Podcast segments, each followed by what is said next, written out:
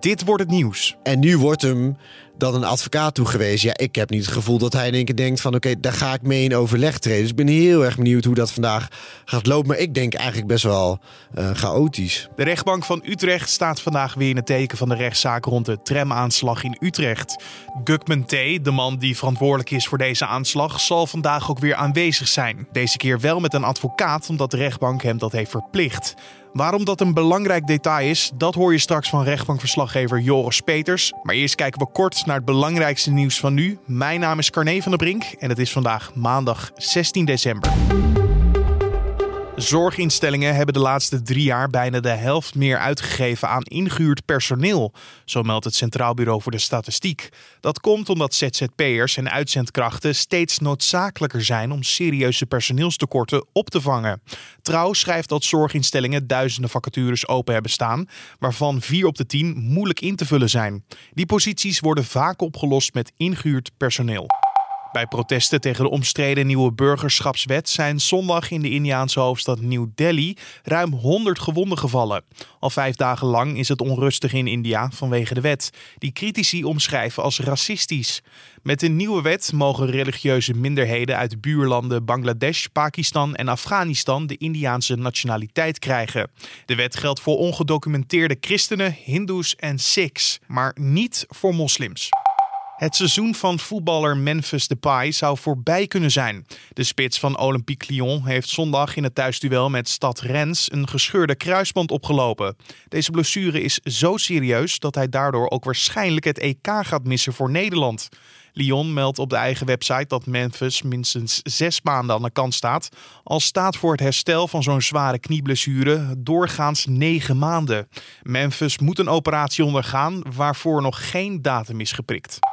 En bij een ongeval met een politieauto in het Brabantse Riethoven is in de nacht van zondag op maandag een automobilist om het leven gekomen. De man reed in een voertuig dat hij kort daarvoor had gestolen en werd vlak daarna door agenten gespot. Door een aanrijding tussen de gestolen auto en de politieauto werd de man uit de auto gelanceerd, waarna de toegesnelde agenten hem hebben geprobeerd te reanimeren. Alleen hun pogingen mochten niet meer baten. Het is niet duidelijk hoe de agenten er zelf aan toe zijn. En dan het gesprek van deze podcast. Want in de rechtbank in Utrecht vindt vandaag een regiezitting plaats in de zaak tegen Gukman T. De man die in maart een aanslag pleegde op een tram in Utrecht. De zitting is een voorbereiding op de inhoudelijke behandeling van de zaak die later volgt. Gukman T is vandaag ook weer verplicht aanwezig. En de vorige keer dat hij de rechter in de ogen moest kijken was in juli. Rechtbankverslaggever Joris Peters hoor je over de vorige zitting waar T bij aanwezig was. En over wat er vandaag te gebeuren staat. Nou, ik bedoel, het was natuurlijk gewoon. Uh, we waren allemaal erg benieuwd. Uh, omdat het de eerste keer was. En na zo'n grote, verschrikkelijke aanslag. Ehm, dan ben je altijd soort van benieuwd wie komt er dan binnen. Hè? Wie is de verdachte? Hoe komt hij over? Um, um, en dat we werden getrakteerd op uh, Gugman T. zwaar boeien. Waarvan we wel konden zien dat hij uh, duidelijk niet van plan was geweest om die dag mee te komen naar de, naar de rechtbank. Um, dus die werd vergezeld van twee parketwachten. Die zaten vlakbij hem. Uh, en hij, zijn handen waren geboeid en ook zijn benen. En dat zien we niet zo vaak. Dus die zitting die maakte toen wel, wel indruk. En daarnaast uh, viel ook heel erg de houding uh, van deze man op. Want hij erkende de rechtbank niet. En dan was ook geen, geen zin van plan om mee te werken of zo. Ja, het is natuurlijk ook een moment voor journalisten om even in de ogen te kijken. Misschien, of in ieder geval hoe die erbij zit. Kan je misschien een beetje van opmaken hoe hij in het proces zich handelt of hoe hij erin staat. Wat voor beeld kreeg jij toen van de Gugman T? Nou ja, dat, dat hij dat geen zin van plan is. Uh, hè, dat bedoel, dat spreekt ook wel het feit dat hij geen uh, advocaat wil. Uh, hij was, hij had totaal geen respect voor de, voor de rechtbank. dat was een democraat, dat is hij niet. Dus hij herkent dit niet. Dus hij heeft helemaal geen zin om hier aan mee te werken. Nee, want inderdaad, hij herkent de rechtbank niet, zoals je zei. hij wil geen rechtbijstand, geen advocaat. de rechtbank in Utrecht is hier alleen uh, niet echt een voorstander van, hè? Nou ja, kijk, iedereen heeft gewoon de behoefte aan een goede verdediging. Uh, en iedereen mag er ook voor kiezen om dat zelf te doen.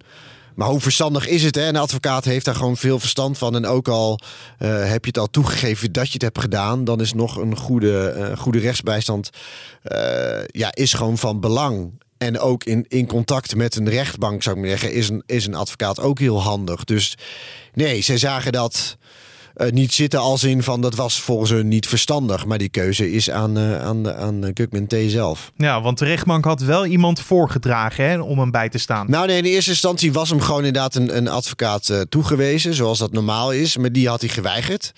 Uh, en toen hebben wij op de laatste zitting werd besproken van moet hij dan niet een zogenaamde procesbewaker worden aangesteld? En de, een procesbewaker moet je zien als iemand, dat is geen advocaat, maar die kijkt wel of alles goed verloopt. Alsof de, uh, of, de, of, of de rechten van de verdachte wel goed uh, worden gewaarborgd in dit geval. Um, daar zou een beslissing over worden genomen, mogelijk op de zitting van vandaag. Um, maar goed, de tijden zijn veranderd. Um, inmiddels is uh, de inhoud van het onderzoek van het Pieter Baan Centrum bekend. Uh, en daaruit blijkt dat Gugman T uh, ontoerekeningsvatbaar is, in ieder geval uh, deels. Um, en dat is een grond voor de rechtbank om hem alsnog verplichten een, een, een advocaat te nemen. Ja, en dan, dat zou dan dezelfde advocaat zijn die al eerder eigenlijk werd gelinkt aan Gugman T, toch? Ja, klopt. Dat is de heer André Zebrechts. en die is inderdaad door de rechtbank gevraagd om Gugman T bij te gaan staan.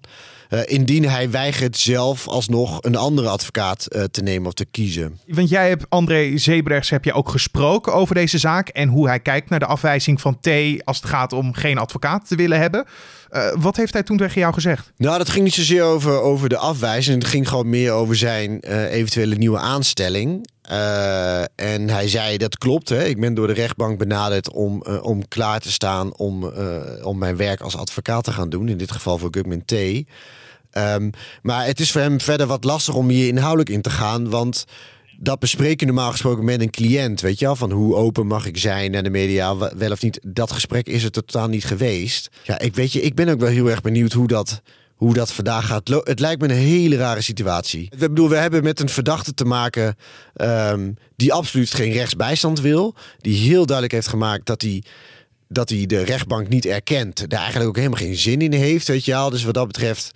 Um, en nu wordt hem dan een advocaat toegewezen. Ja, ik heb niet het gevoel dat hij in één keer denkt van... oké, daar ga ik mee in overleg treden. Dus ik ben heel erg benieuwd hoe dat vandaag gaat lopen. Maar ik denk eigenlijk best wel uh, chaotisch. En dus vanuit dat onderzoek van het Pieter Baan Centrum, waaruit is gekomen dat hij ontoerekeningsvatbaar is, uh, hij mag eigenlijk gewoon zichzelf niet verdedigen. Moet ik het zo zien? Nee, dat is geval, ja, precies. Dat is een reden voor de rechtbank om dan alsnog te zeggen: oké, ja, weet je, deskundigen zeggen dat jij bepaalde persoonlijke problemen hebt, dus misschien ook niet helemaal goed kan inschatten dat je geen advocaat wil. En dan kunnen wij alsnog jou een advocaat voor jou aanstellen. Wat betekent die nieuwe uh, inzichten van het Pieter Baan Centrum eigenlijk voor dit proces? Nou ja, kijk, dat, dat, dat wordt dan op een gegeven moment meegenomen in een uiteindelijke veroordeling van een persoon. Hè. De rechters kijken naar ook in welke staat was iemand uh, toen hij zijn daad pleegde. Uh, en dan ook naar zijn gemoedstoestand. Uh, en als iemand bijvoorbeeld volledig ontoerekeningsvatbaar wordt geacht, dat kan het ook zijn dat hij alleen maar behandeling krijgt, TBS in dit geval, en geen gevangenisstraf. Dus ja, een, een, een advies van de deskundige, als dat wordt overgenomen door de rechter, dan kan dat zeker. Dan is dat zeker van belang voor een, voor rechtszaak. Maar dat wordt wel pas echt um, tijdens de inhoudelijke behandeling uh, besproken. En vandaag is wederom weer een inleidende zitting. Ja, en ik las dat daar uh, dat, dat vandaag eigenlijk een beetje op de agenda staat dat er onderzoekwensen ingediend kunnen worden. Wat ja. betekent dat precies? Nou ja, dat, dan kan de verdediging vragen hè, om bepaalde uh, extra onderzoeken uit te laten voeren. Dat moet dan aan de rechter worden voorgelegd. Dat moet goed worden onderbouwd. Hè, waarom wil je dat? Wil je bijvoorbeeld nog een extra onderzoek naar de psyche bijvoorbeeld van je cliënt, omdat je niet helemaal eens bent met hoe dat is uitgevoerd door het Pieter Maan Centrum. Dat zijn dingen waar je aan moet denken. Maar goed, wat ik al zei, uh, is er überhaupt overleg geweest tussen die twee? Uh, gaat dat nog gebeuren? En welke onderzoekswensen zouden daar eventueel uit voortkomen? Ja, als Gugman daar, daar zelf niet op zit te wachten, snap je dat? Het maakt het gewoon lastig. Dus daarom ben ik ook wel zelf heel erg benieuwd hoe dat dit uh, gaat. Ik heb dit zelf ook nog nooit meegemaakt. Dat een, een, uh, een verdachte eigenlijk gewoon een advocaat absoluut niet wil. En dat het hem één wordt toegewezen. Je hoorde rechtbankverslaggever Joris Peters. En voor nu.nl volgt hij vandaag dus weer de zitting. Mochten er opmerkelijke dingen uitkomen, kan je die lezen op nu.nl en via onze app. En dan kijken we nog even snel wat er verder op de agenda voor vandaag staat. De branchevereniging voor Nederlandse supermarkten, Centraal Bureau Levensmiddelenhandel, spant vandaag een kort geding aan tegen de boeren die woensdag mogelijk de bevoorrading van supermarkten willen blokkeren. De supermarkten vrezen voor de actie namelijk een miljoenen schade. De branchevereniging hoopt dat de actie verboden wordt. En Ajax en AZ gaan vandaag in de koker voor de loting van de knock fase in de Europa League. Ajax eindigt als derde in de Champions League groep en is daardoor veroordeeld tot het tweede Europese clubtoernooi samen met AZ. PSV en Feyenoord werden in de groepsfase van de Europa League uitgeschakeld en daarom doen ze ook dus niet meer mee aan de Europa League. De loting begint vandaag om 1 uur. En dan nog even het weer. De week start met veel bewolking, maar weinig regen. Alleen in het noordwesten van het land kan het even gaan druppelen. En het wordt vandaag maximaal 9 graden. En op de valreep gaan we het nog even hebben over Frozen 2. Want deze kinderfilm heeft wereldwijd meer dan 1 miljard dollar opgebracht. Dat is omgerekend zo'n 900 miljoen euro. I've had my adventure and don't need something new.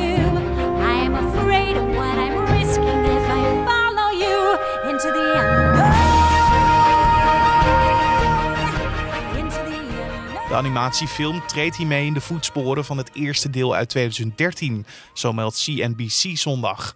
Frozen 2 is in 2019 de zesde Disney-film die de grens van 1 miljard dollar doorbreekt. Captain Marvel, Aladdin, The Lion King, Avengers Endgame en Toy Story 4 gingen de film al voor. In Nederland trok Frozen 2 vanaf de première tot en met haar openingsweekend meer dan 200.000 bezoekers. En dat is goed voor een opbrengst van zo'n 1,6 miljoen euro. Oftewel, ik denk dat we hier met een financieel succes te maken hebben.